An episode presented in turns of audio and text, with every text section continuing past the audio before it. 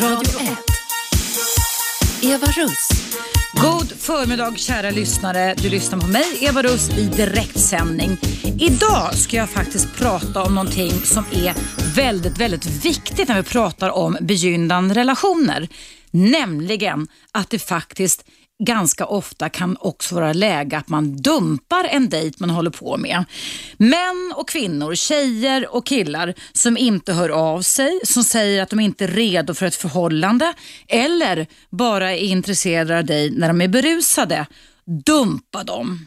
Jag tycker ju som person, och det hoppas jag du som lyssnar vet vid det här laget och känner mig ganska väl hoppas jag, att jag i grunden är en väldigt positivt lagd och hoppfull människa och psykoterapeut. Och Jag tycker det är bra med en rätt inställning och positivitet och hopp så kan vi åstadkomma mirakel i våra liv. Men det finns stor skillnad och det är stor skillnad på ord och handling. Och idag när vi dejtar som bara den, det finns människor som är med på en, två, tre olika dejtingsajter, lägger ner hutlöst mycket pengar på att försöka hitta den rätta, så kan vi också då bli en hel del fartblinda. Stockholm är den, eh, har mest singlar i Sverige. Varannan person i princip som bor här skulle då enligt statistiken vara singel. Och det medför att en del av er där ute som är singlar nu, eller som har varit singlar, eller som har börjat dejta i alla fall, kommer att kunna träffa på eller kanske dessvärre också utveckla egna beteenden som, eh, som leder till att man sitter och väntar och väntar och väntar. Man väntar på Godot och man hoppas hoppas extremt mycket på att den här personen som hör av sig en gång i månaden på fyllan verkligen ska bli den rätta för mig, drömprinsen eller drömprinsessan. Så det här programmet idag, det vänder sig till dig som har erfarenheter kring dåliga dejter och som kan berätta om vad du har upplevt och har berättat om vad du har kommit fram till, vad du har lärt dig helt enkelt om när det är dags att dumpa. Och Det är det jag ska prata om idag. Så ring in till mig direkt in i studion. Numret är 0200 11 12 13. 0200 11 12 13. Men du kan göra som Karin har gjort som har väckt det här ämnet idag. Även mejla. Jag ska strax läsa upp Karins mejl. Och då är mejladressen till mig evaradio1 snabela gmail.com och det handlar alltså om att det är dags för att lära oss dumpa människor som säger en massa saker men sen i beteenden visar ingenting. Så här står det i mejlet till mig. Hej Eva! Lyssna så ofta jag kan på ditt program. Har under ungefär sex månader, lite av och till, träffat en kille då vi har myst lite tillsammans under natten. Vi stöter nämligen på varandra ibland då han bor nära mitt jobb. Efter ett tag kändes det som om man började öppna upp för något mer. Vid ett par tillfällen hängde vi hela dagen efter en sån natt och han skickade flörtiga sms. Det märktes verkligen att han tyckte om mig. Mer och mer. Men sen släppte han ändå taget på något sätt. Han har aldrig bjudit med mig på något även om han pratat om att han ska iväg och dricka och äta eller ta en tur med båten till exempel. Saker som han lätt kunde bjudit med mig på om han ville. Han svarar om jag hör av mig men driver inget samtal själv. Däremot frågar han om jag flörtat om någon annan. Nu läste jag det. Däremot frågar han, säger Karin, om hon alltså har flörtat med någon annan. Hm. När vi stöter på varandra fortsätter Karin i sitt mejl till mig, ser jag att han blir glad av att se mig. Men inget kommer ut av det och vi har inte setts själva nu på hela sommaren. Är han intresserad men bara jäkligt blyg? Eller vill han helt enkelt inte ha mig? Ska tillägga att vi är runt 35 båda två, singlar och har inga barn så det borde ju inte vara så komplicerat. Tacksam om du tar upp det här mejlet. Du kan kalla mig Karin står det här. Ja, Karin och du som känner igen dig, man som kvinna där ute. Har du varit med om samma sak? Det är anden i flaskan har jag kallat det i en av mina böcker. Det är personer som eh, inte vill connecta sig, som inte vill eh, liera sig, gå in, öka närmandet i en relation, utan som är lite som anden i flaskan och håller dig på halster. Och Det kan då leda, leda till att Karin och du som känner igen dig i den här problematiken faktiskt fastnar och lever på hoppet. Och det är ett faktum som är sant att, att en person vill faktiskt inte ha dig om den personen inte hör av sig. Den person som inte hör av, dig, hör av sig till dig, han vill faktiskt inte ha dig. För att dejta, det innebär faktiskt att man står i relation till varandra, att man har någon form av förhållande till varandra, man relaterar till varandra. Och Självklart kan det vara så, eftersom det har att göra med våra mönster sedan förr, att vi ibland kan ha mer eller mindre starka rädslor när vi ska komma en person nära. Men om vi ändå ger oss ut i, för att vi ska dejta en annan person så eh, tycker jag att vi ska se upp med personer som alltså har ett mönster på det här sättet. För det är det som gör att vi som inte har det mönstret kan då fastna i att vi faktiskt tror på att det här med hopp och positiv förväntan skulle kunna räcka till. Eh, I en amerikansk bok som jag kommer att citera idag lite som är en bestseller som heter Dumpa honom, han vill faktiskt inte ha dig. Skriven av teamet bakom tv-serien Sex and the City, Greg Behrendt och Liz Tuchillo. Så står det så här att 100% av de killar de här författarna frågade ut sa att citat, rädsla för att komma för nära aldrig hade hindrat dem från att inleda ett förhållande. En kille sa till och med, citat, att det där, med, det där med skräcken att komma för nära är bara en myt. Och en annan sa, det är bara sånt vi säger till kvinnor som vi inte är särskilt intresserade av. Nu är det här inget specifikt killproblem utan jag skulle vilja säga att det här är ett ganska generellt universellt problem som män och kvinnor, killar och tjejer i varierande ålder kan ha. Och där är det väldigt viktigt för du som känner igen dig i Karins problematik att man blir upphokad, man blir uppblåst, man sitter och håller sig förtvivlat fast i ett litet, litet halmstrå och förstorar upp den kontakten som kommer men också drar ner på kraven för sin egen del och till och med också beter sig ganska ovärdigt mot sig själv. Att man krymper ihop och låter en annan persons lustar eller egensinnighet styra och man sitter ganska handfallen och lite handlingsförlamad. Vad som är viktigt att känna till det är då det att bättre än ingenting eller någon gång det är inte bra nog för någon. Det är väldigt viktigt att du går ner och går tillbaka till din egen värdering och respekt för dig själv och självkänsla.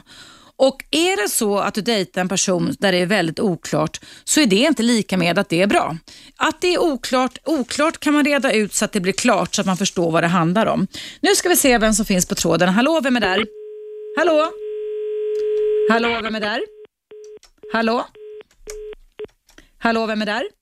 Nej, då får ni ringa en gång till. 0200 11 12 13. Idag pratar jag alltså om att det många gånger i relationer som segar ut så kan man fastna i ett läge, ett fastlåst läge där man tillskriver personen för det man kallar för dejtandet eller intresset mycket mer och mer positiva, hoppfulla egenskaper än vad som egentligen finns i verkligheten. Nu ska vi se vem som finns på tråden kan hända. Vem är det? Hallå?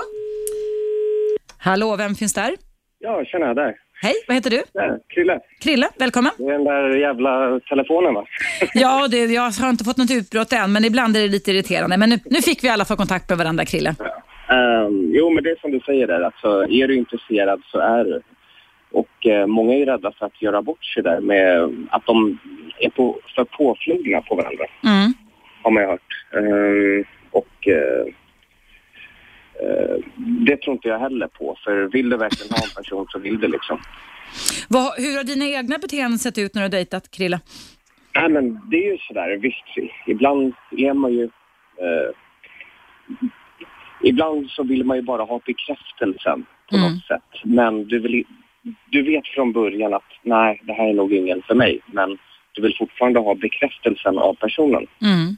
Så du utnyttjar personen lite på det, det är lite elakt men... eh, Ja, jag tänkte nästan det. Du sa samma ord som jag tänkte precis nu. Men, men, men eh, tror du att ibland kan ju folk få ut av det båda två ändå kanske, men inte under, det får inte hålla på under en längre period, eller hur? Nej, exakt. Nej, utan man får hålla lite balans på det tror jag. Vad tycker du att en sån som Karin som har mejlat in till mig ska göra då? Det har pågått i sex månader nu att den här killen dyker upp på natten och de har sex och någon gång, eller två gånger har han stannat kvar efteråt men sen är han som en sån här anden i flaskan försvinner. Eh, nej, men det är svårt det där. Det finns två alternativ, eller två stycken eh, grejer. Det är ju, nummer ett är att det kanske är fel på henne också. Att hon kanske inte... ehm, vad ska man säga? Eh, hon kanske är svår att tyda för han. Mm. Så att han backar tillbaka och inte tror att hon är intresserad. Förstår du? Att det blir ett växelspel där det blir lite missförstånd och felaktiga Ja. tolkningar. För det har jag varit med om flera gånger. Mm. eh, Att det har varit. Eller så är det en sån där som bara ringer när det passar. Mm. Så det, det är två stycken där, men det är svårt att säga va, på ett mejl Ja. sådär. Men vad tycker du att hon skulle göra då? Du som kille som ändå... Ja, alltså. Du märker ju fortfarande om han ringer och grejer. Mm. Det är det, är det viktigaste. Ringer, ringer personen mycket och smsar och sådär. Då är den intresserad. Annars så är den inte det. Punkt slut. Precis, så det gäller då att gå på det som händer, om man säger i real life och inte det som händer i våra fantasier inombords som har med våra förhoppningar och positiva förväntningar att göra. Nej, det är bara att tänka från sin egen sida. Så att, eh, om du hade träffat någon snygg kille, det är klart att du hade smsat han och ringt han lite ofta sådär. Mm. Det är så. Mm, mm. Så man kan gå till sig själv vilka beteenden som är fruktbara och schyssta och vilka som inte är det egentligen. Ja, exakt. Så Bra. inte... Ja. Ja, Bra. bra. Tack, tack för de råden Krille. Tusen tack. Eh, Ja, Hej då. Hej då, hej. Ja, kära lyssnare och Krille, nu ska vi ha en liten paus här på Radio 1. Vi hörs alldeles strax igen. Numret är 0200 11 12 13 och idag handlar det om att det faktiskt många gånger när vi dejtar är läge att dumpa personer som faktiskt inte vill ha det. Det gäller att bli bättre på det. Har du någon dejtinghistoria du kan berätta eller vill ha rådgivning kring det här så kan du även ringa pausen. 0200 11 12 13. Vi hörs alldeles strax igen. Åsikter.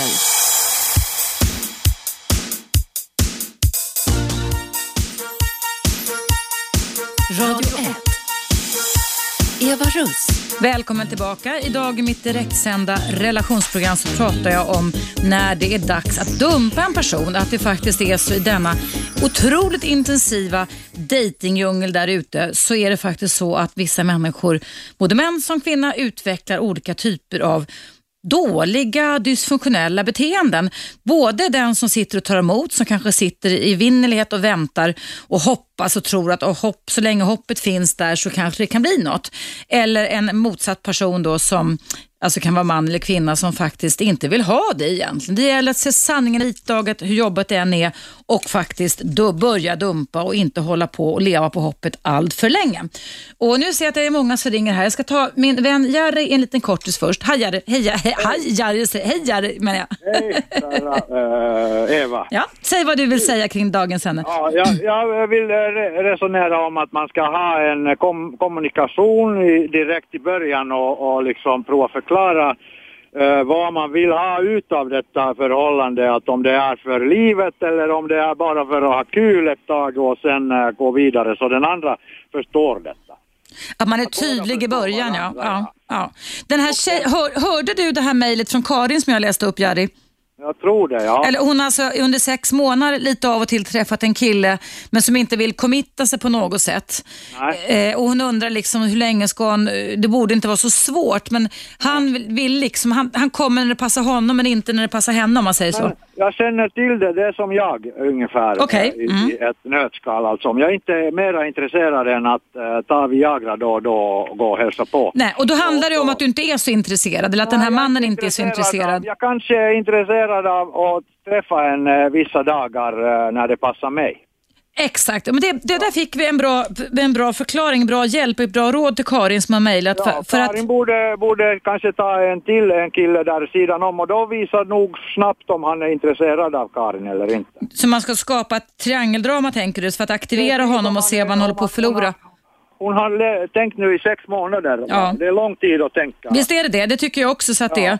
Och i värsta fall kommer det ett barn och sen är det ju sört där. Ja, ja, det hade inte gått så långt än, men det är bra eh, att tydlighet och kommunikation, när jag sammanfattar dig Jari, och att inte sitta där och vänta sex månader för lång tid och skaffa sig en annan kille också. Ja, och om man inte gillar eh, eh, folk som dricker alkohol då ska man inte skratta och, och tycka att oj, ska vi dricka igen alkohol? Utan då får man säga till att jag tycker inte om Mm. Alkohol. Om du vill dricka får du dricka hos dina polare. Ja, att man är tydlig från början. Man inte sen senare, fem år senare, säger att jag hatar din alkohol. Nej, det är viktigt det. Det, det, det. det är en vä- väldigt viktig sak som du säger just nu. Det som är dilemmat när vi är inne i den här förälskelsefasen, det är det att vi så gärna vill vara både bekräftade och vara till lags. Så att vi ibland säger massa saker som sen inte stämmer, så att säga, vad vi gillar och, och, och så vidare. Och dessutom tror jag att äh, tjejer är mera benägna att inte säga äh, det de äh, tycker är olämpligt. Tror du det? Ja. Det Jag kan vi fråga. Ja, jag, jag vet faktiskt inte. Vi kan ju efterlysa det av andra lyssnare idag, om det är skillnad på killar och tjejer när vi ska uttrycka våra behov och önskemål när vi ska träffa en person. ja. Sen- I början. Senare, senare så är det, så är det, är det nog tjejen ofta också som eh, har en väldigt massa orättvisor som eh, måste redas ut. Okej, ja. vi får Det se, vi får se Jerry, om, om andra kan haka på det. Tack snälla för att du Ja. ringde Ja. in till mig idag. Hej, hej. Ha det bra, hej hej. Ja, vi ska ta en annan lyssnare här också. Hallå, vem är där? Hallå? Hallå? Hallå, vem finns där? Fin- ja. Finns det någon där? Ja, hej, det var Andreas här. Hej Andreas, välkommen till mitt program Eva Russ. Tack. Vad Eh, väcker bara- dagens ämne för tankar? Ja, jag vill bara säga att jag är den där killen som du pratar om. Som Karin skrev om i sitt mejl, ja. Precis. Inte just specifikt den killen då, men eh, Mm. ja, jag var en sån kille. Och eh, ja, min nuvarande tjej, hon, ja, hon gav ju inte upp. Okej, Eh, så ja. att hon var uthållig. Hur länge var hon uthållig då? Ja, ja två år kanske. Oj. Vad vad ja, det ju berodde varit det på, nu när, när du ringer in, vad berodde det på att, att du betedde dig på det sättet? Alltså lite anden i flaskan och dyker upp ibland och sådär. Ja, ja alltså jag var ju väldigt sådär att jag, det var på mina villkor och ja, lite som hon beskrev i brevet liksom. Mm. Och eh, ja, kanske lite, ja, som du sa innan där, lite rädsla för att, för att liksom, ja, man får lite panik liksom. Man tar det sin tid liksom. Hon ville kanske något annat. Mm. Så, Va- Var det, och, och, man vill ju eh, ändå inte man vill ju ändå inte liksom sabba det hela heller. så att det handlar om osäkerhet lite, att man inte riktigt vet vad man vill. Ja, ja, jag skulle kunna säga det. Hade det med din ålder att göra på något sätt? Ja, absolut. Jag var ju ett par år yngre än henne också så. Mm. Men eh, ja, hon gav inte upp så nu har vi varit tillsammans i sex år så. Wow. Men du, hur har ni pratat om det här sen? Hur, hur hon upplevde det, precis som Karin som mejlade mig, att få vänta då på dig i två år. Hur tänkte hon, hur resonerade hon? Vad, vad gjorde det värt att vänta?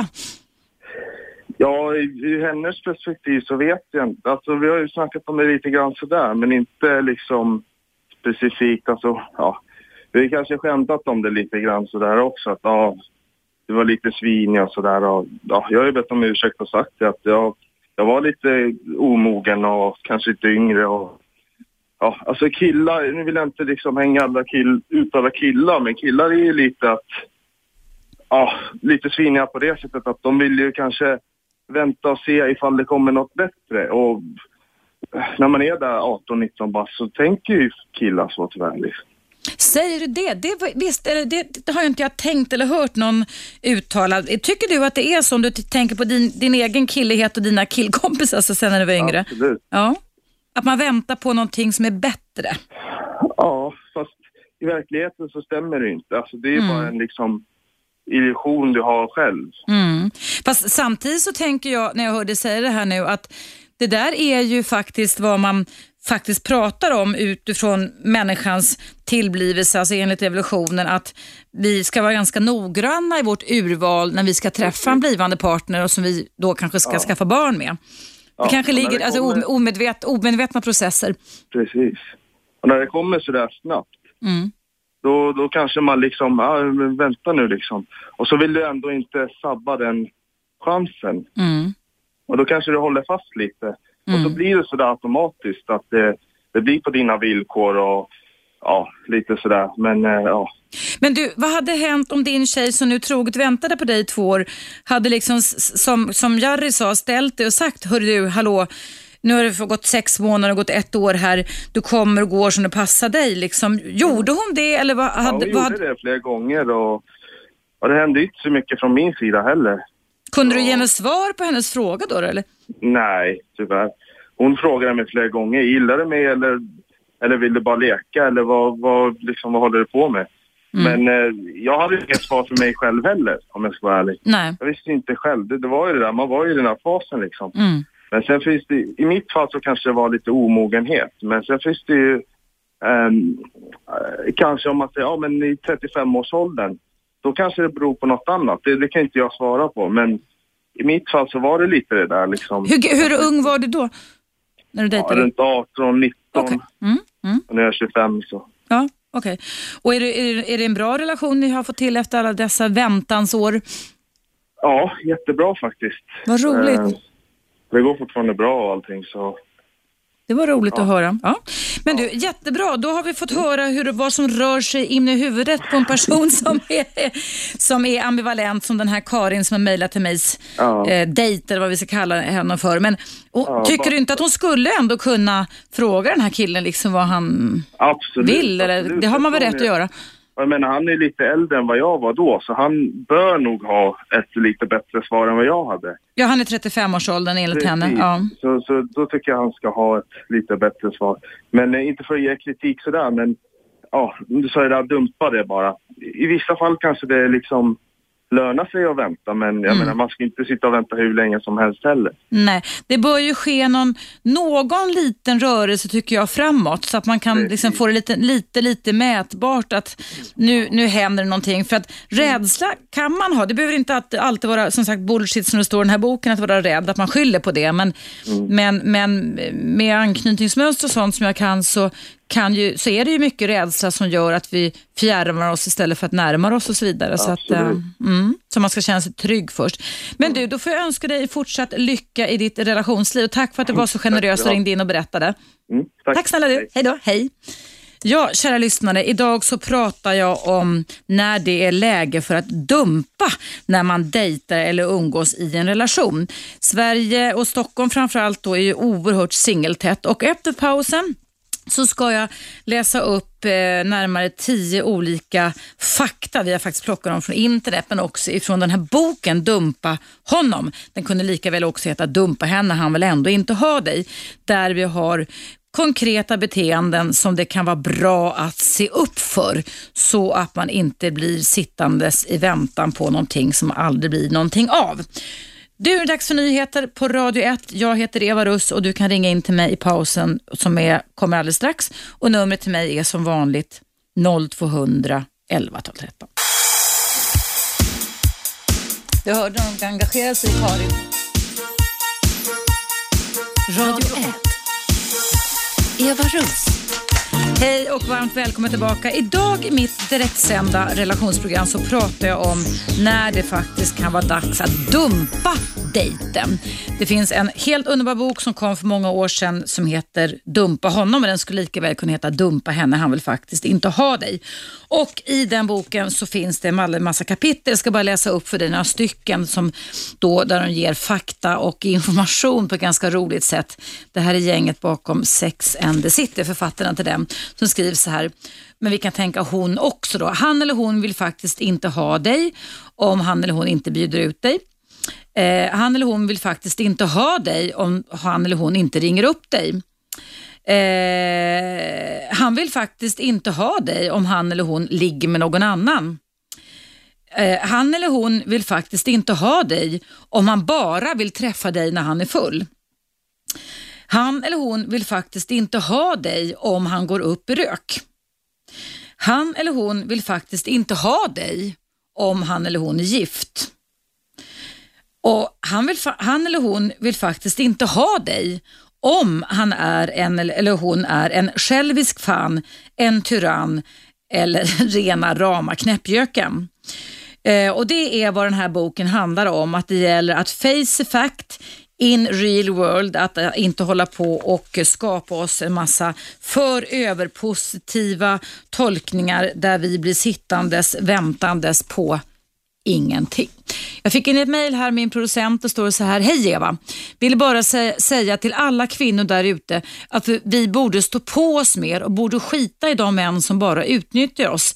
Till exempel Karins situation. Skit i honom. Det är alltså Karin som mejlar in till mig och som har suttit och väntat nu i sex månader på att det ska bli något med den här killen.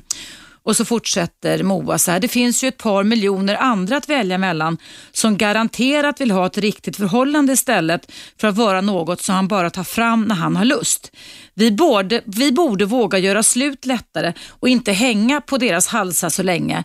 Våga släppa taget kvinnor! Utropstecken, utropstecken. Var starka står det. Tack så jättemycket Moa.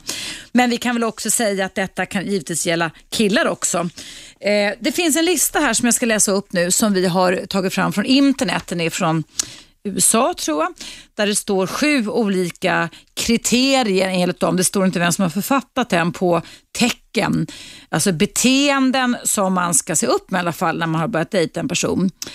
Det ena är, och de står inte någon inbördes rangordning, det ena är det att han eller hon faktiskt inte svarar dig när du eh, ring eller mejlar på Facebook eller mejlar på Outlook eller alltså mejlar eller skickar sms.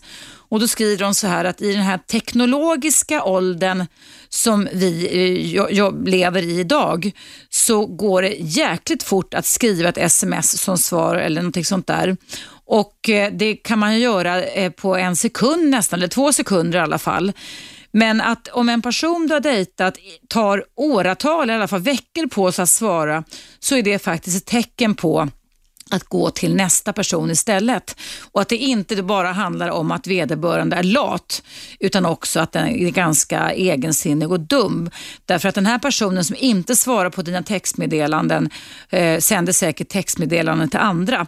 Men är det då så att den här personen inte svarar dig, då ska du ta det på allvar och dissa eller dumpa honom eller henne. Eh, ett annat eh, som man tar upp här det är att man säger att han eller hon vidmakthåller sin fysiska eller känslomässiga distans.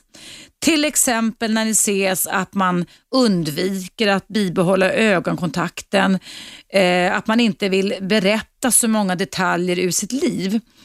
Eh, och att man då, ju mer man alltså vidmakthåller fysisk och känslomässig distans så är det faktiskt ett tecken på att vederbörande, i alla fall just då, inte har någon lust att fördjupa relationen.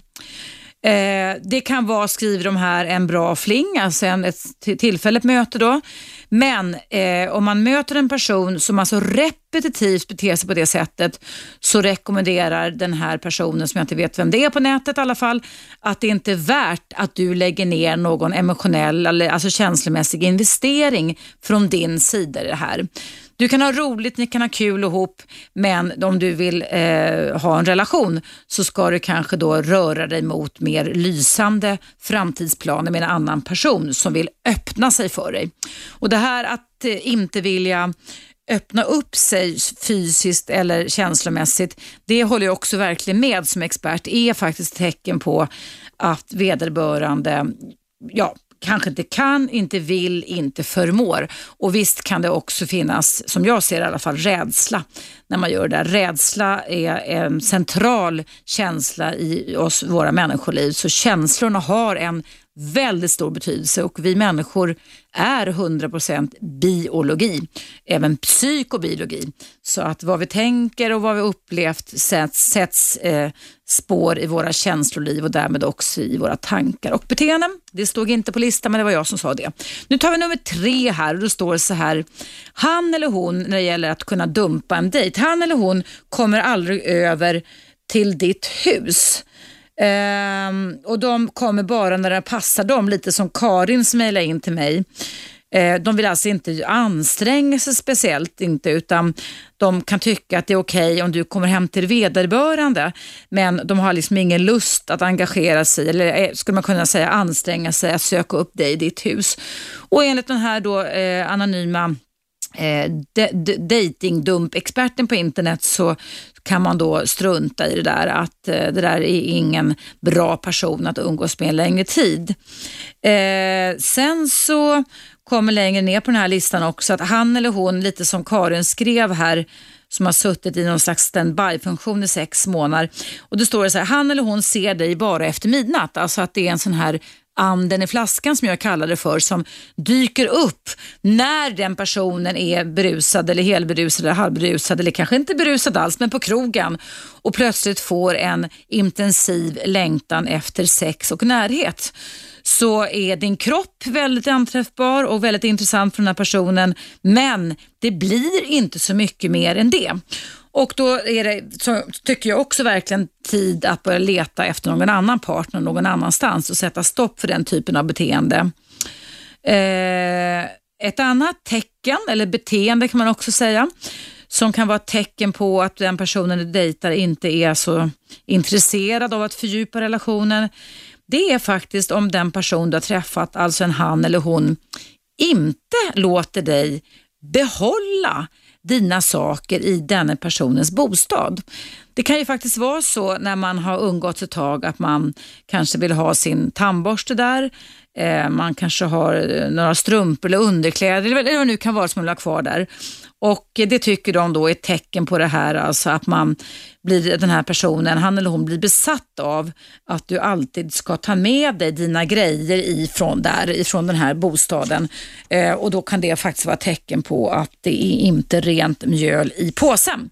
Ja, sen finns det lite mer kring det här då. Det står att han eller hon undviker att beröra dig in public. Alltså att man, när man går ut så vill man inte visa för andra att man är ett par eller att ni relaterar till varandra. Och att det också skulle vara enligt dem ett stort varningstecken.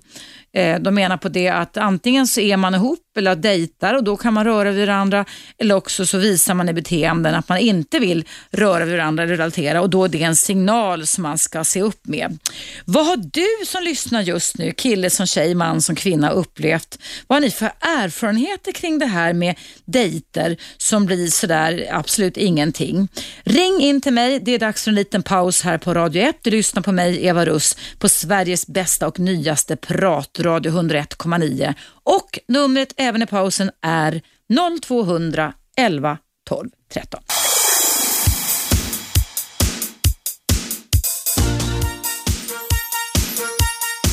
Radio 1.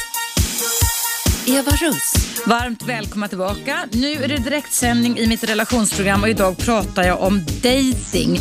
Men jag pratar om det från kanske en liten annan synvinkel. Inte kanske den där hoppfulla positiva psykologin som jag tycker och hoppas och tror är mitt varumärke här på Radio 1, Sveriges bästa pratradio. Utan jag pratar utifrån att vi ibland måste se sanningen i vitögat och inte vara alltför hoppfulla, tillskriva människor som beter sig illa mot oss när vi dejtar och behandlar oss som vi inte var vattenvärda eller som nollor en massa, massa positiva egenskaper. Utan det gäller att faktiskt kunna inse att om en person inte vill relatera till det under en längre period, inte vill beröra dig, inte vill att du ska ha dina grejer hemma hos vederbörande, bara höra av sig efter midnatt eller när vederbörande är sugen på sex eller inte ens svara på dina Facebook-förfrågningar eller sms eller mail så vill vederbörande inte ha det. Inte i alla fall på det sättet som kanske du vill ha vederbörande. Nu ska jag prata med Jonas, Nattens Ros. Hallå Jonas! Hej! Berätta, jag visste ju inte vad Nattens Ros var. Berätta vad du gör på nätterna här i Stockholm. Ja, alltså jag, jag, eh, jag eh, går runt i, i Stockholmsnatten de senaste 25 åren och är inne på 26 året och är Nattens Ros. Delar ut rosor och sjunger Nattens Ros-sång. Och det innebär att jag träffar ju många, många människor som eh, ska dejta och ska upphöra med sin dejt och ska göra slut och bli ihop igen och och då har jag någonting som heter Nattens ros ros per kväll och då, då blir det spontant att jag möter människor som av erfarenhet jag ser att de ska göra slut eller vill göra slut. Eller så. Mm. Och, och då brukar jag smyga upp och fråga om jag kan få ge dem Nattens ros ros och sjunga Nattens rossång. Okej. Och, och det är inte därför jag ringer för att sjunga utan i den texten som jag har hittat på så ligger det så mycket kärlek och berömmelse av när två människor älskar varandra. och även om de ska gå isär. Och jag känner att ord kan hjälpa på vägen. Absolut. Vill du sjunga sången här nu då? Jag köper dig en ros, sträcker över, tar emot. Jag tar längtans fulla kliv, kliver över, tar emot. Jag känner dofter, jag känner kärlek. Jag känner känslor, jag känner dig. Men var är du? Här hos mig, här hos mig. När rosen sträcks över och du griper den, vad är du då? Är du hos mig, här hos mig? När vinden för bort bladet från skälken så står där skälken utan själ, utan själ, utan själ. Då blir jag ond, då blir jag ond. Ondskan blir till tårar, ondskan blir till sorg. Endast döden sorgar stillhet på marken när vinden tar tag. När vinden tar tag griper jag tag om rosen, blad och skälken.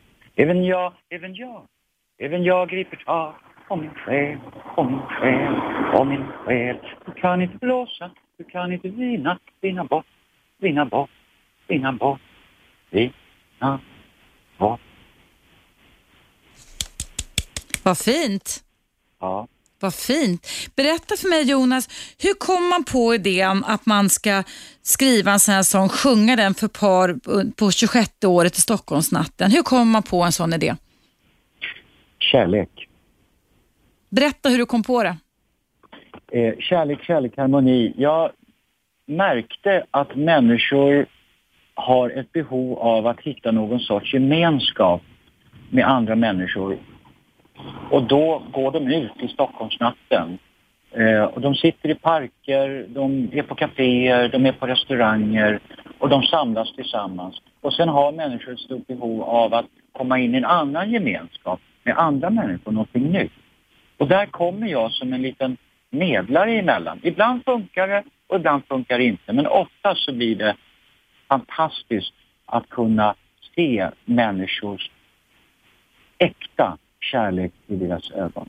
Men hur går det rent praktiskt till då, när du, när du är nattens ros, Jonas? Jag har eh, rosor med mig.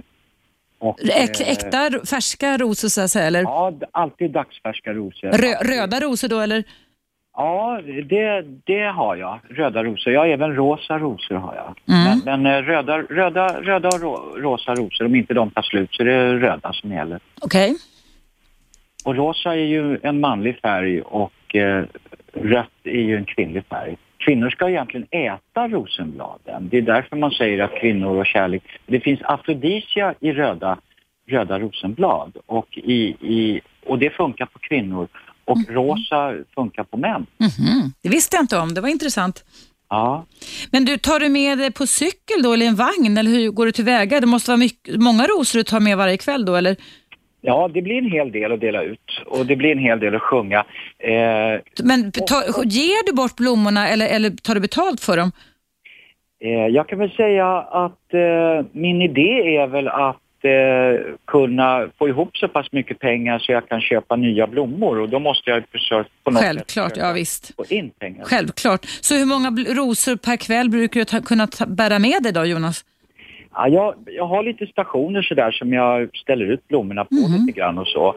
Eh, och eh, jag delar väl ut i alla fall kanske eh, 40-50 rosor någonting. Wow, det var inte dåligt du. Men du, hur länge är du ute i Stockholmsnatten och gör det här som nattens ros, Jonas? Jag försöker göra det sju dagar i veckan. Är det ditt jobb skulle du vilja säga eller hinner du jobba med annat också? Ja, det, jag målar eh, som konstnär då, tavlor och sådär. Och, och jag försöker även att, låta bli att vara nattens rosa. Jag var nattens ros i 25 år och så tänkte jag att när jag fyller 50 då ska jag ha en stor fest. Och det hände förra året då. Så jag har inte varit nattens ros på 13 månader. Men jag började för några dagar sedan igen. Okej. Och det är ett enorm, enorm respons där ute i Stockholmsnatten. Eh, om vi pratar i tredje person så är det många, många, många människor som, som älskar den där nattens ros innerligt och på riktigt. Mm, det kan jag tänka mig. Det är fantastiskt. Och ändrar du liksom kvarter eller är det, är det någon speciell del av Stockholm du uppehåller i eller förflyttar du liksom mellan olika områden? Eller? Ja, det där är lite eh, under åren som har gått, man har hoppat lite fram och tillbaka. Men jag har hittat mitt stråk och jag börjar nere på Vasagatan och sluta på The Anchor. Då har jag gått ett helt varv och då har jag även gått upp på, på eh, Italiano och, och, och, och, och ru- ru- runt om eh, Papas och, och upp på Stolen och, och så vidare, upp på Östermalm och så där. Och så. Mm. Så, ett helt varv. så det blir faktiskt 47 restauranger Wow. ungefär tre och en halv timme. Vad säger människorna som möter dig då? de flesta människor är otroligt eh, begeistrade att jag fortfarande håller på så många år. Så de känner, de känner igen dig sen förr om man säger så? Ja, de kallar mig för legenden Nattens Ros och ja, de verkligen, eh, om jag pratar i tredje person då, så de verkligen älskar Nattens Ros. Men sen finns det människor som hatar Nattens Ros, som verkligen inte tycker om honom. Och det är ju lustigt på sätt och vis eftersom jag kan göra liksom succé på två, tre restauranger och sen, alltså du vet, liksom stående ovationer. Alltså, Mm. verkligen... Och då sjunger du den här sången som du sjöng Ja. nyss eller? Ja, ja, jag gjorde en liten kortare version för att jag, det är ändå radio och, Mm, mm. och fler ska väl få prata. Men det var fint, det var fint det som du Ja. sjöng. Så att det, här- det här är ju också lite, tänker jag som terapeut, att kalibrera in folks känslor, precis som du skrev och som du, din text var, eller hur? Det är Ja. lite terapeutiskt skulle man nästan kunna säga det du gör faktiskt. Ja, faktiskt. Eh, jag vet att om människor har mod och vågar så tror jag att de skulle kunna berätta hur den här Nattens Ros har fått dem sams, fått dem ihop igen, tillsammans. Hur, hur deras sorg av olika anledningar har, har liksom blivit befriad eller, eller sådär. Så att det, det är sådana enorma Mm. inslag i det jag faktiskt gör. Och, det, och det du gör är ju det som är centralt för oss människor, Jonas, nämligen hjälper folk att förändra sina känslor. Ja. Jag kunde inte uttrycka det bättre själv. Ja. Det är fantastiskt. Vad roligt att prata med dig. Vi kan väl be de som lyssnar nu och som antingen har mött dig genom åren och kan väl mejla in till mig och berätta sina upplevelser av det här så kan det väl finnas anledning att ta, prata med dig någon annan gång också, eller hur? Ja, det, det verkligen. Det är trevligt att prata med dig. Ja, tack detsamma. Det är bara det att nu måste vi ta en liten nyhetspaus. här. Men du, tack, tack så jättemycket Jonas Nattens Ros. Det var för mig någonting helt nytt, men en fin sak du håller på med tycker jag. Ja, det, det, det har blivit det. Eh, Tack så mycket och ha en trevlig kväll. Tack Hej. detsamma. Hej då, hej hej. Ja, vad roligt. Det var alltså Jonas som är Nattens Ros. Kanske du som känner igen honom eller har mött honom ute i natten här i Vimlet i Stockholm, eh, har någon erfarenhet kring det och kan ringa in idag. Numret är 0200 11 13. Men nej, temat idag är egentligen, det kom lite på villovägar men det var ändå väldigt fint inslag av dig Jonas tycker jag. Det är, handlar alltså om dating och när det faktiskt också är dags att dumpa. När man har suttit, eller du har suttit alldeles för länge och kanske pendlat mellan hopp och förtvivlan och kanske också har hamnat i ett hjälplöst, maktlöst läge där du förstorar upp den fnuttiga, pyttelilla, eh, snåla kontakt eller uppmärksamhet som du får ifrån den person som du ändå har börjat dejta eller börjat relatera till. Och du kanske sitter där och eh, du lever på hopp och förtvivlan och så, i en salig blandning. Då kan det vara dags att se sanningen i vitögat och att ta sig ur det här. Livet är kort, det finns många andra, precis som jag fick ett mejl från Moa här, där ute som kan vara en bättre partner för dig. Har du någon erfarenhet kring det här, man som kvinna? Ring in till mig, numret är som vanligt 0200 11 12 13. Nu är det dags för nyheter på Radio 1, Sveriges nya pratradio. Vi hörs efter dem.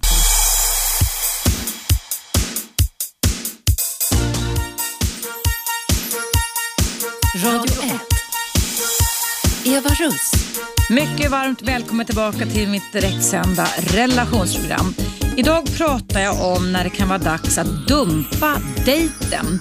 Jag är ju en normalt sett positivt lagd person som tycker att positiv förväntan och hoppfullhet är väldigt, väldigt viktiga egenskaper. Men ibland kan det faktiskt vara så att du som är singel där ute faktiskt kanske sitter alldeles för länge och väntar på en person som egentligen i alla sina beteenden har redan har deklarerat för dig att vederbörande inte är intresserad av dig. Det kan vara personer som inte hör av sig när de ska höra av sig. Det kan vara personer som säger att de inte är redo för ett förhållande eller som bara är intresserade av dig när de är berusade eller efter klockan 12 på natten natten när krogarna så småningom börjar stänga. Och Då är det väldigt viktigt att eh, se upp med att inte tillskriva vederbörande personer, man som kvinna, som beter sig på det här sättet en väldig massa positiva eh, ursäkter och, och, egenskaper som faktiskt inte riktigt stämmer. Jag fick in ett mejl här ifrån Gabriella som jag ska läsa upp nu och eh, det står så här. Hej Eva, jag har en fråga angående dagens fråga. Om man märker att den andra inte är riktigt intresserad med diverse olika beteenden så är min fråga, varför i hela friden vill man vara med den personen? Och sen fortsätter Gabriella, jag skulle aldrig kunna tänka mig att tränga på min personlighet på någon som tydligen inte vill ha hela mig? Frågetecken. Har själv varit störtkär i någon som helt tydligt visade att citat, nej, det kommer inte att bli vi. Och sen fortsätter Gabriella, jag drog fortare än kvickt. Igen, hur kan man vilja ha någon som inte vill ha en? Alltid undrat över detta, så tacksam om du tar upp det. Hälsningar Gabriella. Ja, Gabriella, då ska jag faktiskt ta upp det här nu, för det ligger faktiskt som en förklaring till varför det kan bli så här med. Det här har väldigt mycket, skulle jag vilja säga, med självkänsla att göra och inlärd hjälplöshet eller inlärd maktlöshet. Eh, jag skulle vilja säga det då att om man har en bra eller hyfsat god självkänsla så eh, kan man visserligen, om man är trygg i sig själv, för då blir man trygg i sig själv, härda ut å ena sidan med att låta en ambivalent person få hålla på eh, ett par gånger eller under en period tills den personen börjar bli trygg och liksom vågar relatera och vågar eh, deklarera att man vill ha en relation. Så å ena sidan så kan man ha bra självkänsla men jag skulle ändå tro att när man hamnar i rätt repetitiva mönster. Där, och jag har träffat många som har gjort det, där man ständigt är nummer två. Där man ständigt hakar upp med personer som bara vill ha mig, mig som en KK, som en knullkompis. När den andra personen ständigt träffar nya personer och jag kommer på tredje eller fjärde plats. När den andra personen inte vill svara på mina sms och inte vill committa sig så kan man alltså ha hamnat i en nedsänkt självkänsla. Man, man har liksom, Liksom, man behöver inte haft det från början, men man kan ju givetvis få det ju mer man upplever att man inte lyckas med det som man önskar att man ska lyckas med, så kan det givetvis leda till att man alltså skriver ner sitt eget värde. För det är det som en dålig självkänsla gör. Man skriver ned sitt eget värde. Och Då kan det ibland bli så att det nästan blir en självuppfyllande profetia. Att man luras in i ett felaktigt tänkande. Man kan coachas av vänner och bekanta med som ändå säger att det är bättre att du har det här än ingenting. Och Så länge som man inte går och aktivt ifrågasätter det antagandet så kan man alltså vaggas in i tron till att de här beteendena som jag får, de förtjänar jag och de går att förändra. Å andra sidan så hörde ni då att eh, det var en kille som ringde in, Krille tror han hette, som tidigare första timmen här i mitt program idag, som berättade att han själv var väldigt ambivalent. Han var det i två års tid innan han eh, blev trygg och kände att han ville satsa på den kvinna han nu varit ihop med i sex år. Så självklart är det så också att det finns människor där ute som är eh, ambivalenta. Men, men som sagt, eh, man kan eh, eh, väldigt många människor som jag också mött genom min forskning. Jag började ju min karriär som relationsexpert genom att göra singelforskning där jag, på Karolinska institutet där jag då skrev en liten rapport om hur jag kunde förändra tankarna och beteendena hos sju inbitna singeltjejer i Stockholm med hjälp av kognitiv psykoterapi. Och Det gick väldigt, väldigt bra och ledde till en bästsäljande bok. Den kom ut 2003 som heter Den ultimata singelhandboken. Nya sätt att hitta din drömprins på. Den skrevs ihop med journalisten Kicki Norman. Den finns tyvärr inte att köpa längre. Det är väldigt många som frågar fortfarande både på mejlen här till Radio 1 och till min egen blogg eller hemsida. Eh, tyvärr, den var en väldigt populär bok och många fick nytta av den. Den var kanske inte så drastisk som den här boken Dumpa honom, han vill faktiskt inte ha dig, som gavs ut för ett tiotal år sedan och som var väldigt aktuell i Oprah Winfreys show. Alltså författarna till den fick vara med flera gånger och det är inte alla eh, som kan möjlighet att göra det. Men jag tar eh, snarare upp då tankespöken, hjärnspöken och där då Gabriella som har mejlat mig så handlar det ganska mycket hos de här sju singeltjejerna och just om deras inlärda hjälplöshet eller maktlöshet som kunde ha boostats på under tonårsperioden och där man alltså då sätter sig i ett väntläge och eh, hjärnan går igång och man tillskriver en person eh, goda egenskaper fast det man får tillbaka eh, är absolut ingenting. Eh, sen är det också så att om man, eh, som Gabriella ställer frågan till mig här, varför i hela friden vill man eh, vara med någon som inte vill ha en, skriver Gabriella. Och då måste jag ändå komma tillbaka till de här tidiga eh, Eh, relationsmönstren, känslomässiga modellerna, alltså anknytningsmönster som skapas från det att vi är små. Jag pratade eh, sist om, eh, eller häromdagen i ett program om dysfunktionell barndom och dysfunktionella kärleksrelationer så tog jag ett, som det, som det skrevs i media, citat ifrån den nyligen avlidna Eva Rausing i London som hade sagt det enligt tidningarna då att hon hon älskade sina fyra barn så mycket så det gjorde ont och då var hon tvungen att fjärma sig ifrån dem. Och Det tog jag som ett exempel på när någonting är väldigt eh, fel, felriktat, felinlärt. Att när man älskar någon så närmar man sig, man fjärmar sig inte från en person. Och Det är lite samma fenomen om man nu dejtar en person. Det här då att varför eh, vill man ha någon som inte vill ha en så kan det alltså ganska ofta ha att göra med vilken typ av anknytnings, alltså känslomässig inlärningsmodell kring sig själv man har haft. Jag ser framför mig och vet, jag har mött många klienter genom åren, både män och kvinnor, som faktiskt sitter och väntar på Godot och vill, vill, vill älskar en person på avstånd extremt mycket och den personen som är på avstånd struntar i den här personen, alltså typ min klient då.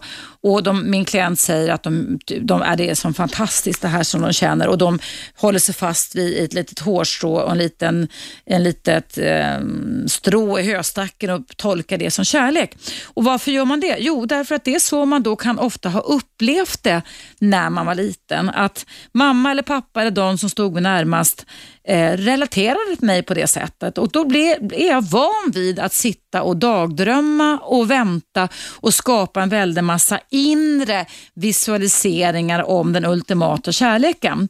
Så att när en person alltså då fjärmar mig ifrån mig, så eh, för jag har upplevt det när jag var liten, när mamma och pappa inte var där och inte brydde sig speciellt mycket om mig så fick jag liksom skapa mig en egen föreställning om vad kärlek och är. Så det handlar alltså om barn som sen har blivit vuxna och som då har tränats att tro, alltså lärt sig att tro att när någon inte vill ha en så är det äkta kärlek, då är det värt att stanna kvar. Så det är min förklaring till det här. Men som sagt, det är oerhört tragiskt och det är oerhört jobbigt och väldigt, väldigt mycket tidsspillan att sitta och vänta personer som inte vill ha en eller som behandlar en som, som ingenting egentligen. Eh, och Det går ju givetvis att komma till rätta med, att ta sig ur den här maktlösa och hjälplösa tanke, känsla och beteendecirkeln. Och det ska jag prata om efter pausen som kommer här. Och om du är nytillkommen lyssnare så lyssnar du på mig, Eva Russ, på Radio 1, Sveriges nya pratradio. Dagens ämne i mitt direktsända relationsprogram handlar alltså om när det kan vara dags att dumpa en person som du dejtar. Jag kommer berätta mer om detta efter pausen som kommer nu. Men du kan också ringa in till mig och berätta din historia eller ställa frågor. Och numret är som vanligt 0200 11 12 13.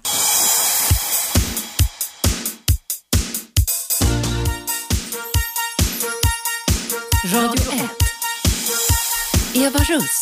Välkomna tillbaka. Idag pratar jag om när det kan vara dags att dej- dumpa dejten. Jag ska läsa upp ur boken eh, Dumpa honom, han vill faktiskt inte ha den som kom för ett tiotal år sedan. Ett kapitel 9 det står så här, han vill faktiskt inte ha dig om han går upp i rök. Han är borta, puts väck, försvunnen tomma intet. Inga dubbla budskap här inte. Han har gjort det fullständigt klart att han inte ens är intresserad nog att lämna en liten post-it-lapp. Men då reagerar i det här fallet då kvinnan så här och skriver så här. Kära Greg, jag hade en kort historia med en jättesöt fransman. Det var verkligen toppen och jag kände nästan att det kunde ha utvecklats till något mer. Han åkte tillbaka till Frankrike och vi började mejla varandra. Mycket gulligt och romantiskt var det. Plötsligt, efter ett, ett av mina mejl, svarade han inte längre. Det har gått två veckor nu. Tänk om det hänt honom något. Han kanske inte fick mitt senaste mejl. Jag kanske skrev något han inte gillade. Jag avskyr tanken på att kanske aldrig höra av honom igen. Det vore så gräsligt. Kan jag inte mejla honom igen bara som ett sista försök att få kontakt? Eh, och då säger då den här boken säger man att ibland måste man sätta punkt alldeles ensam. Och så skriver författarna så här då att Eh, de har alltså gjort små galluper kan man säga med män och kvinnor kring det här med att dumpa och dejta och skrivit så att 100% av de män som de här författarna till boken Dumpa honom frågade eh, sa, som, som någonsin har försvunnit från en kvinna. 100% av de män som de här författarna frågade som någonsin hade försvunnit från en kvinna sa att de var fullständigt medvetna om vidden av sitt vidriga handlande när de gjorde det och att det inte skulle bli bättre om kvinnan ringt upp. Så det handlar alltså återigen utifrån den här boken att se sanningen i vitögat kring det här. Nu har jag fått ett mejl ifrån Karl som jag tänkte läsa upp. Det står så här, mors. De där personerna som långt upp i åldrarna fortsätter att inte kunna binda sig, är de inte helt enkelt det som aldrig får en längre seriös relation, inga barn och så vidare, en slags livets nomader? Finns det någon forskning på området eller statistik? Måste ju finnas en naturlig förklaring till varför vissa av oss har lättare att binda oss och vissa av oss flackar runt. Parentes, redan Bibeln tar upp denna uppdelning. Isak och Ismael, förlåt jämförelsen, slut på parentesen. Borde ju finnas en varningstriangel på dem i så fall. Må så gott, Karl. Ja, kära Karl och du som eh, också funderar på det här. Eh, det här är alltså anknytningsforskning, anknytningsvetenskap kan man säga som är otroligt hett världen över. Jag har, tror jag, läst igenom nästan all typ av aktuell forskning. Jag har inte någon sån bok med mig här idag, men jag kan säga att om ni googlar på namn som Hazen och Shaver, alltså H-A-Z-A-N and Shaver, ungefär som rakt med S-H-A-V-E-R Hazen and Shaver som är alltså banbrytande och ganska stora i USA på anknytningsforskning. Så kan man se då att det här har att göra med, alltså de som har svårt att binda sig, att det har med väl inrotade eller djupt rotade mönster sedan barndomen eh, i de känslomässiga modellerna som leder till att man eh, inte törs knyta an helt enkelt. Att det egentligen då är väldigt mycket rädslor och det jag oftast upprepar här i mitt program eh, som eh, en forskare också som heter Patricia McKinsey Crittenden. Patricia McKinsey Crittenden och Crittenden stavas C-R-I-T-T-E-N-D-E-N hon är som professor i Florida. Hon har ett institut där som heter Family Relations Institute och det kan du googla på. Hon har en hel hemsida med aktuell forskning. Jag känner henne personligen, hon har handlat mig, jag har gått på utbildning hos henne. Så hon är också en aktuell forskare kring detta. Och Hon och de här Hazen och Shaver och andra eh, har ändå kommit fram sådär till att cirkus, cirkus alltså 60 procent i, av folk i västvärlden har bra resurser kan man säga, eller färdigheter för att kunna knyta an, att kunna alltså realisera drömmen om en parrelation som då börjar med en dejt och sen kan sluta med samboskap eller äktenskap och så vidare.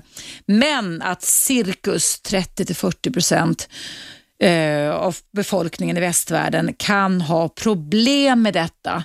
Och då delar man sen upp de här 30-40 procenten i två grupper så handlar det om ungefär alltså 15-20 procent som eh, drar sig undan, alltså som fjärmar sig när kärlek ska upplevas. Alltså när det hettar till så blir man, som eh, jag berättade om Karins mejl här i inledningen, anden i flaskan och drar.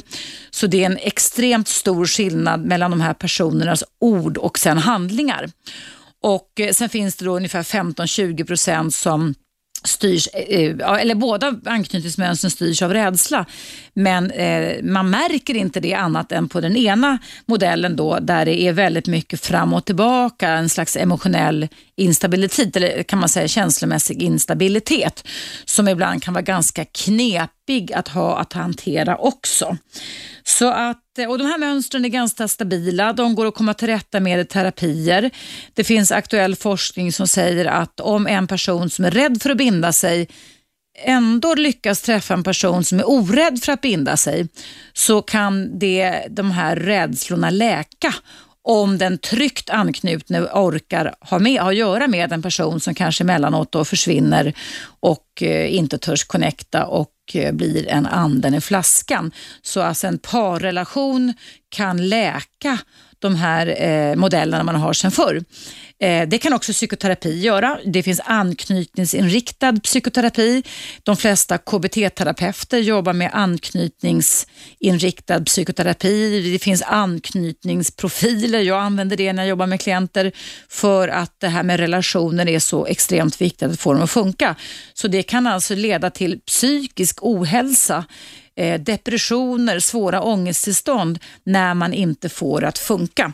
Så relationer, att relatera och binda oss upp med andra människor är centralt för oss människor och det kan bli ett extremt svårt livslångt eh, problem när man inte lyckas få till det.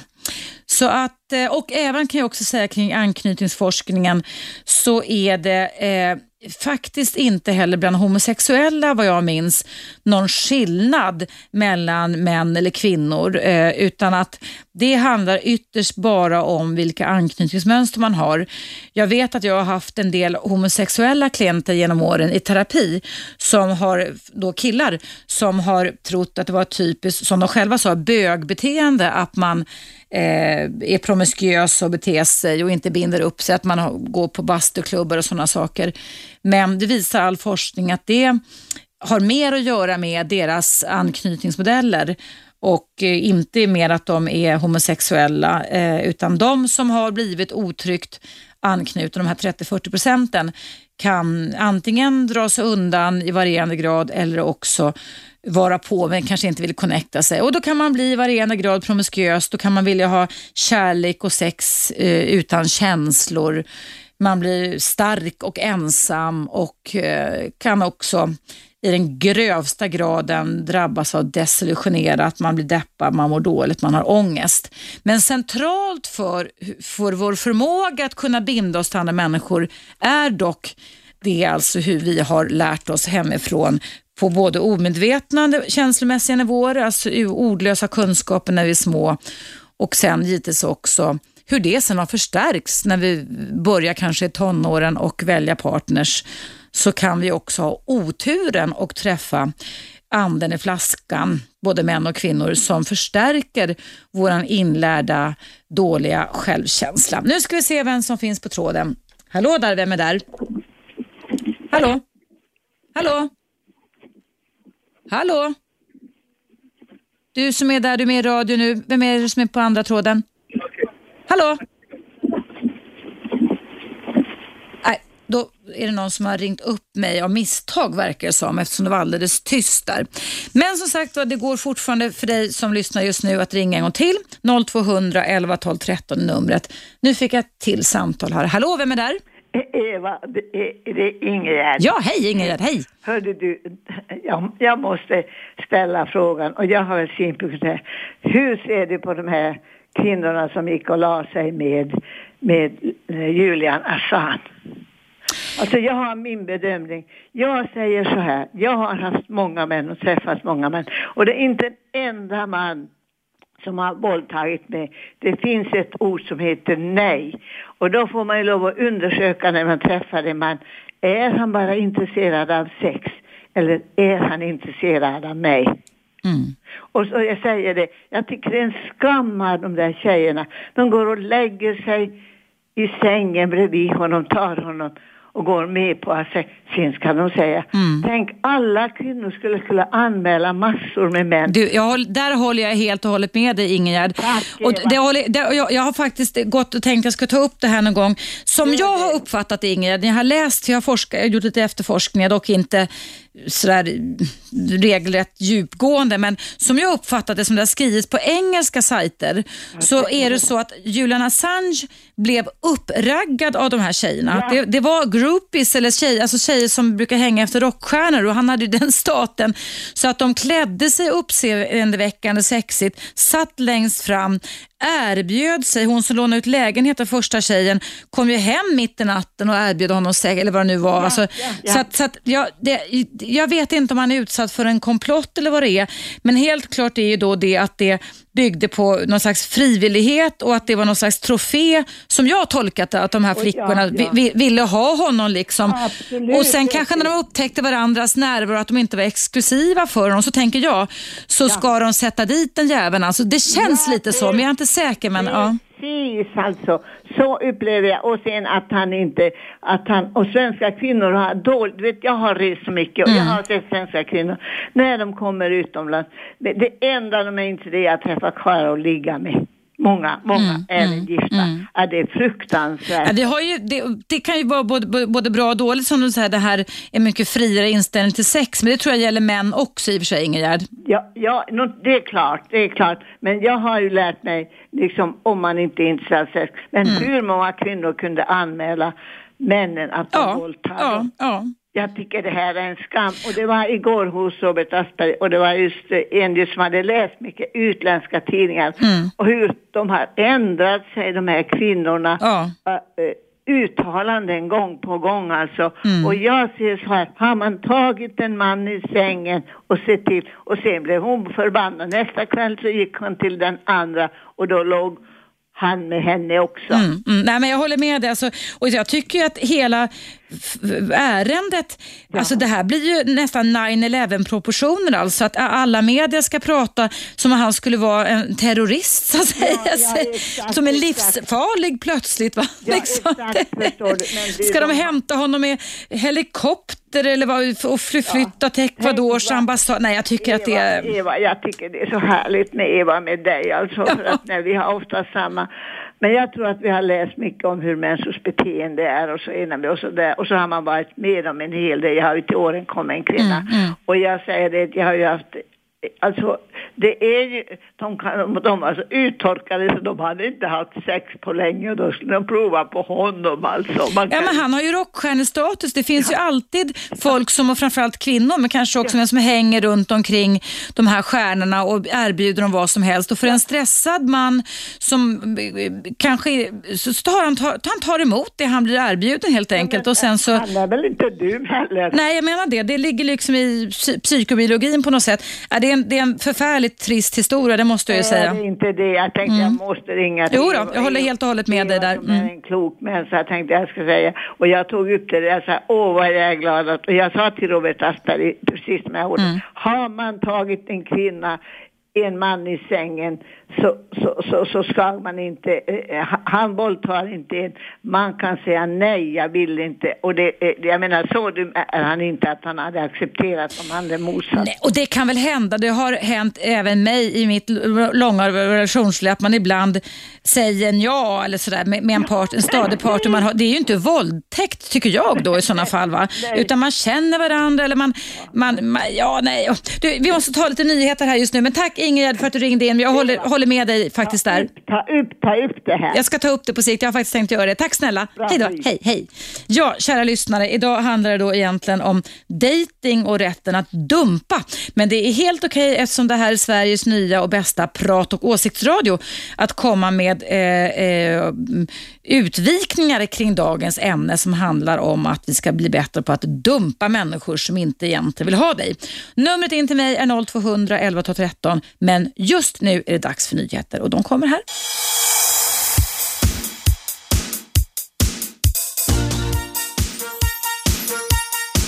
Radio 1. Eva Russ. Ja, varmt välkommen tillbaka. I dagens ämne har handlat och handlar om dating och att kunna dumpa personer som ändå inte vill ha dig. Sen blir, det ju som det kan bli ett direktsänt program lite avstickare genom att Ingegärd ringde in här innan pausen och ville prata om Julian Assange. Och eh, jag vill påpeka det och poängtera det för dig som lyssnar att jag är inte expert på vad som har hänt men jag har ändå försökt underrätta mig lite och har funderat lite kring det hela. Men självklart så ska eh, en rättsprocess gå sin gilla gång. Men jag kan själv tycka kanske att det har blivit väl uppstort, uppslaget. Men vad tycker du Johan? För det var därför du ringde in kring detta. Ja, nej men alltså, jag tycker så här att, att eh, det här handlar om vad, vad, som har inträffat. Det handlar eh, mellan en, en, alltså en domstol, en åklagare och en advokat. Eh, jag är så trött på alla män och kvinnor som dömer kvinnor vad de ska göra, vad de inte ska göra och så vidare. Om en kvinna säger nej så är det nej, punkt slut. Och nu råkar det vara en känd person det handlar om. Han ska precis som alla andra infinna sig i domstol och, och eh, försvara sig och få en rättvis eh, rättegång. Om sedan visar sig att det här andra, hans bakgrund med Wikileaks och hela den biten, att han, han riskerar att bli utvisad och med hänsyn till Sveriges dåliga historik när det gäller baltutlämningen och eh, al-Qaida-medlemmar som inte var al-Qaida-medlemmar utlämnande, ja då är det ju en skam om Sverige skulle göra detta. Men det är två separata frågor som jag tycker. Mm, mm. Jag, vad jag tycker, alltså jag har ju inte tänkt klart kring det här heller. Jag blev lite överrumplad när Ingrid ringde in, men, eller inte överrumplad, men, men över vad jag tycker egentligen kring det här. Men det som jag sa då, och jag kan säga en gång till, det var då det att när jag har då studerat utländsk mer, alltså bara för att underrätta mig själv och få, få någon slags uppfattning om vad som har hänt, så som det har beskrivits, så eh, har väldigt mycket av det här relaterandet om man säger så, som jag uppfattade att ha läst hittills. Men det finns ju olika versioner av det också, varit högst fri, frivilligt, förstår du, alltså kring det hela. Och, eh, ja, men som sagt, jag vet inte alls. Jag, man borde egentligen fått läsa alla polisprotokoll och förhör, eller hur? Om man skulle ha någon åsikt kring det egentligen. Det är, det är precis min poäng. Att, mm. att, vi, att, att, att vi aldrig lär oss. Att vi alltid ska lägga värderingar i vad kvinnor gör och inte gör. Eh, jag är faktiskt väldigt, väldigt trött på detta och senast igår kväll hade vi en överfallsvåldtäkt ute i Hässelby av en kvinna som, som gick eh, ifrån sitt sällskap. Jag menar, jag tycker vi ska vara jäkligt försiktiga i vad vi säger om, om det som inträffar mellan män och kvinnor när vi inte själva har varit där och vet vad som har hänt. Mm, mm, mm. Håller med dig helt och hållet. Det är ett dilemma det här, men vi får se vad som händer. Men som sagt, eh, vi får se vad som händer. Det är inte riktigt mitt område det där heller. Och det jag sa när jag pratade med Ingegärd, det var med det då att att många gånger, för jag vet att det var några eh, andra kända kvinnor som gick ut när det här Assange-målet kom upp, så att säga, som sa då att, att eh, eh, om det skulle vara, fast nu har de inte haft någon lång relation, Julian Assange med de här tjejerna, det var ju kort, korta så att säga, relationer. Eh, men att om man sa att långa relationer så skulle nog många, det är inte jag som säger det, men andra som säger det, många kvinnor skulle kunna anmäla sina män för våldtäkt när man har varit velig eller ställt upp fast man egentligen inte ville. Det, det, jag har inte sagt det, men de har sagt det. Alltså just det här att i en relation så kan man ibland eh, göra grejer som man egentligen inte vill. Det var mer det jag tänkte. Men jag, jag har ingen aning om alla detaljer i detta mål så jag vill friskriva mig ifrån att tycka mer om det just nu. Ja, eh, min sista kommentar. Mm. Om man ska börja generalisera och, och, kommentera saker och ting som händer som man inte vet någonting om, då kan man i så fall... Eh, jag träffade en, en, en psykolog här i förra förra helgen som berättade att hon hade studerat Julian Assange och kommit fram till att han hade väldigt många, enligt hennes åsikt då, eh, saker som tyder på att han mycket väl kan, kan ha en problem med att sätta gränser med hans eh, barndom mm, eh, han, mm. Och, och, så vidare. Så jag tycker inte alls vi ska ge oss på de här, de här kvinnorna. Vi vet inte vad som har inträffat. Mm. Det, vet, och det ska vi få se. Och som sagt, vad jag tänker på, Johan avslutningsvis, det är också att det kan ju faktiskt vara så att det inte blir varken no, no, no, klassad, nu klassas det som brott, men alltså, det behöver ju inte bli det värsta tänkbara scenariot heller så som man förbereder för kring det här med Ecuadors ambassad och allt det här. Va? Vi får se se det positiva i det hela. Mm. Att, att Sverige tar ställning i någonting och står för någonting, det Mm. händer inte så ofta. Nej, och där tycker jag också att det är bra det här med svenska. Jag läste det på nätet här nu med svenska rättssystemet och så vidare så att man får reda ut vad som har skett. Jag håller helt och hållet med dig kring. Tack. Tack snälla Johan. Hej då, hej hej. Ja, nu ringer det som bara den. Jag ska höra vem som finns på tråden. Hallå, vem är där? Eh, hej, jag heter Marcus. Hej Marcus. Eh, hej, jag tänkte jag hade en annan eh, liten inställning till det där. Jag lyssnade på föregående talare och eh, kan väl hålla med delvis. Men eh, det intrånget eh, som det gör i ens liv när man blir anklagad för något så, sådant eh, som en våldtäkt till exempel är, eh, är ju helt fruktansvärt. Eh, och eh, det finns ju faktiskt fall där det absolut inte har varit frågan om någon våldtäkt utan det är faktiskt som eh, så att det har funnits något svartsjukedrama eller no så vidare. Mm. Eh, och jag undrar, eller jag har varit med om en liknande historia eh, då jag följde med två kvinnor till ett hotell. Ja. Och eh, eh, Hallå? Där försvann du Marcus. Ring en gång till. Eh, jag sätter på knappen här för det är dags för en liten paus här på Radio 1. Vi hörs alldeles strax igen.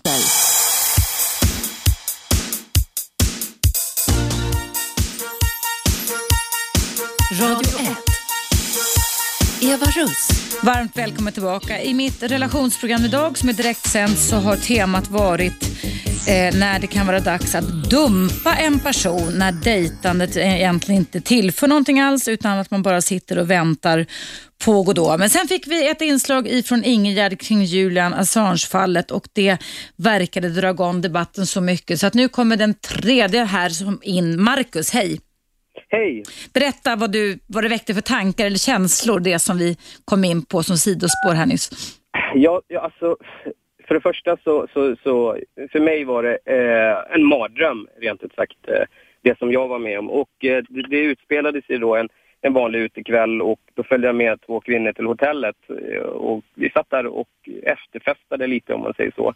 Den ena kvällen vart eh, väldigt trött så hon somnade och eh, de hade en säng då så att vi sov alla tre då tillsammans i den sängen.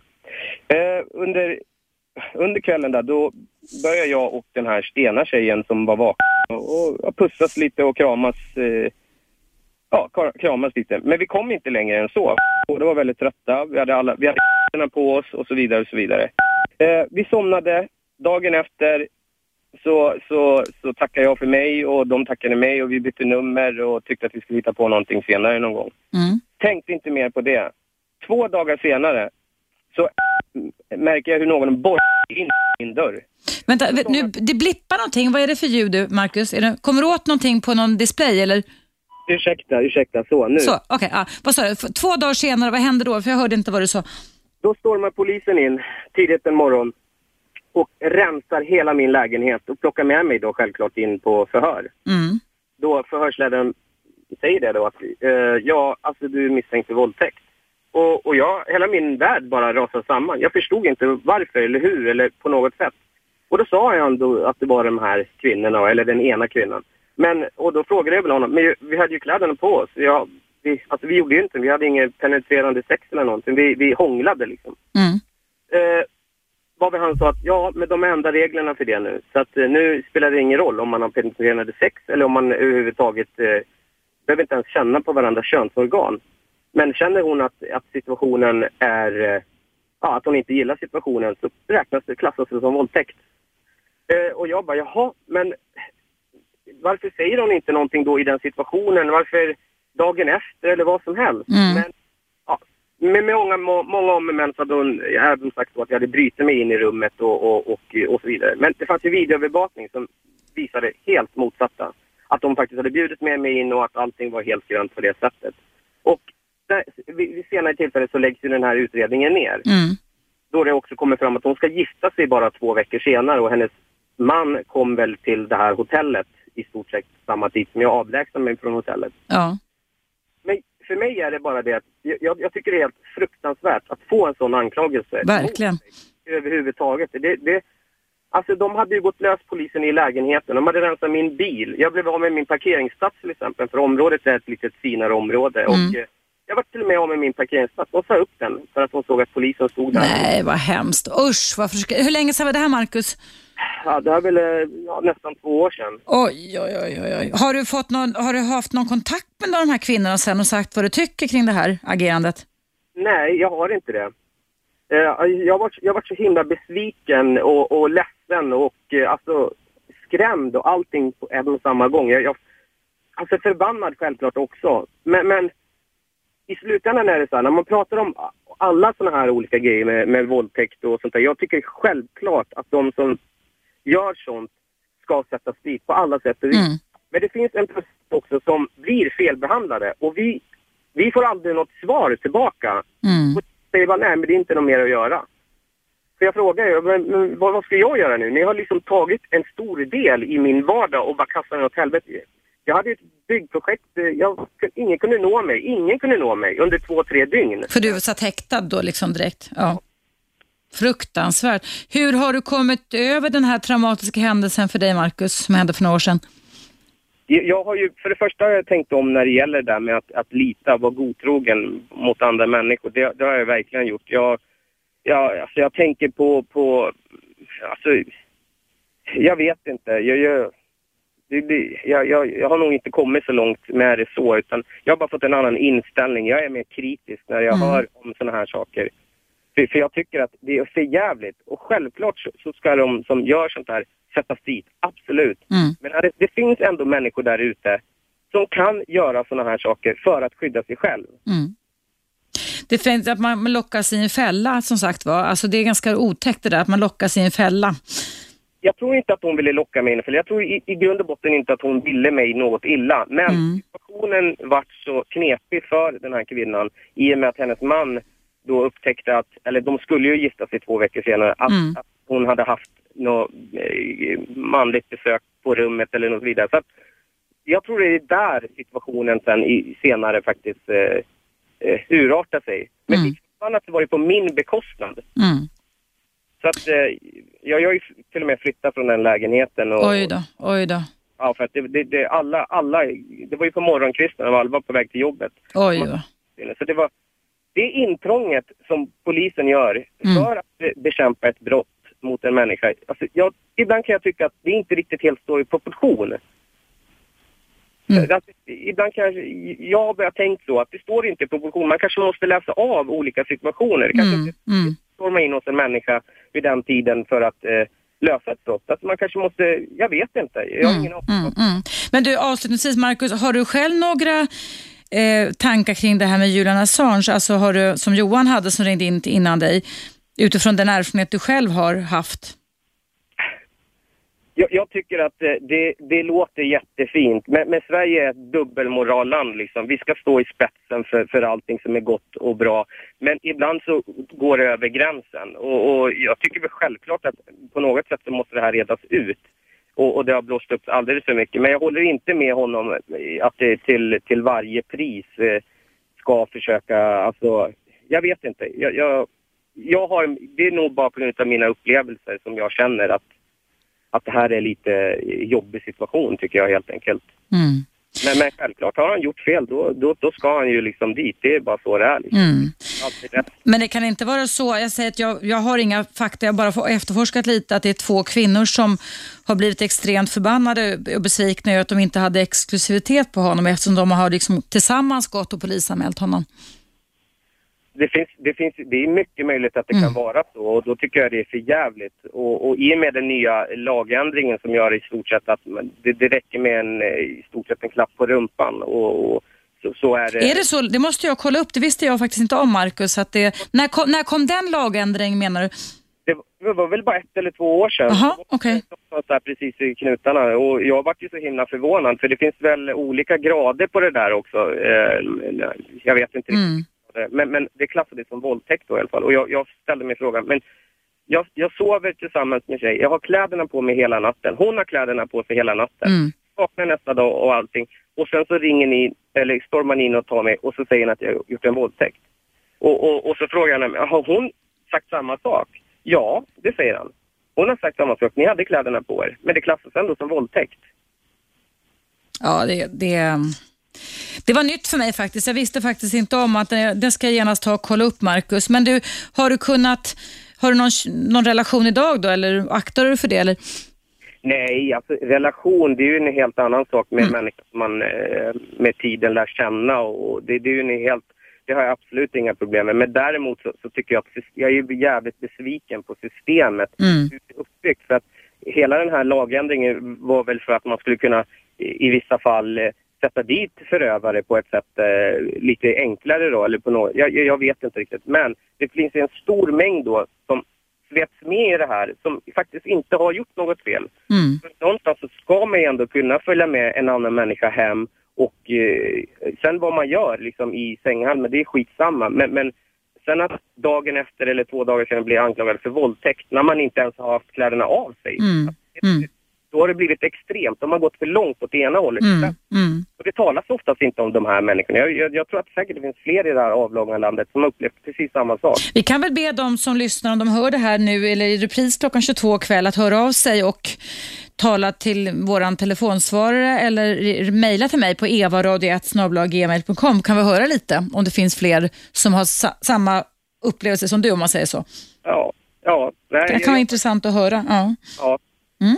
Jag hoppas att det löser sig där med Assange och jag tycker väl eh, synd om alla inblandade i det där. Så eh, det, Ja, alltså, och jag, jag håller verkligen med dig Marcus också, att det gäller att kunna, och jag håller även med Johan också och Ingegärd också, men att det gäller att inte bara köpa vad alla medier, hur de blossar upp det här och blåser upp det här och skriver om det, utan att försöka skapa sig en egen efterforskning, en egen åsikt och göra en egen bedömning. Det tycker jag ligger i vars människas eh, ansvar faktiskt lite, att inte bara köpa hur alla tidningar gestaltar det här ganska ensidigt. Sverige anklagar USA ibland för att vi eh, att de bara vinklar nyheterna på ett visst sätt. Men jag vet inte riktigt. Alltså jag skulle, eh, mitt önskemål skulle varit om jag hade fått tillgång till alla fakta och polisförhör och bara sätta mig ner själv och läsa och sätta mig in i det. Men det har jag givetvis inte möjlighet till att få. Men det hade varit väldigt intressant tycker jag det finns väldigt mycket på, på de utländska tidningarna. Där, där står det ju mer detaljerat. Ja, men det var där jag läste om det här med de här tjejerna, hur de hade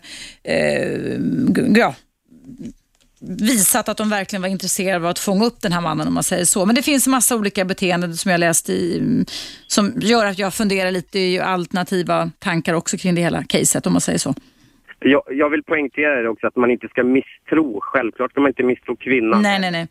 i, i vilket utav fallen Mm. den är. Men däremot så tycker jag att man måste väl kanske göra en, en avvägning. Är det här eh, så pass eh, så att vi, vi ska storma in någon? För att det, det sätter ett sår, enormt stort sår hos en människas liv när, när man blir utsatt för någonting sånt där. Mm. Och, eh, så jag, jag tror ändå att man skulle behöva göra någon slags avvägning som polismyndighet eller, eller åklagare. Att är det här eh, så pass, eh, jag menar en överfallsvåldtäkt liksom, någon i en park eller och så vidare. Så det, det har jag ju full förståelse att en sån person vill man ju få in på en gång. Mm. Men, men när man får eh, en rättelse för sig så här, jaha, två personer har umgått, det är ju egentligen ord mot ord då bara. Ja. Men när båda påstår att ja, men vi hade kläderna på oss, det har inte blivit någon penetration.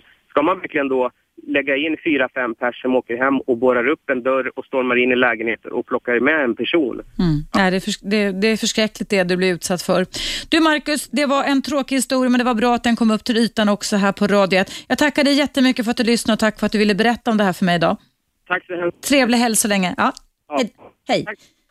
Ja, kära lyssnare, nu är det dags att eh, sätta punkt för veckans program och dagens program som började handla om att det kan vara dags att dumpa personer som faktiskt inte vill ha dig och det slutade med att debattera, diskutera eller belysa eh, processer, tänkbara scenarier kring Julian Assange-målet. Jag vill poängtera än en gång att jag vet inte riktigt vad jag tycker kring det här men att man givetvis måste se på de skeenden så som de har gestaltats i media, eh, faktiskt också med en del kritiska ögon, eller skapa sin egen uppfattning eller läsa på lite mer.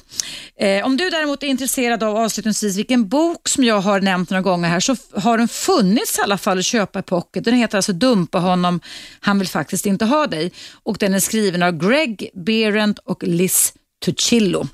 Eh, det finns alltså på svenska, det är Richters förlag. Richters förlag. Ja, det var allt för idag. Jag hoppas att eh, du som har lyssnat har fått ut någonting av det här programmet och jag hoppas att du vill återkomma och lyssna på mig nästa vecka. 101,9 Radio 1. Sveriges nya pratradio.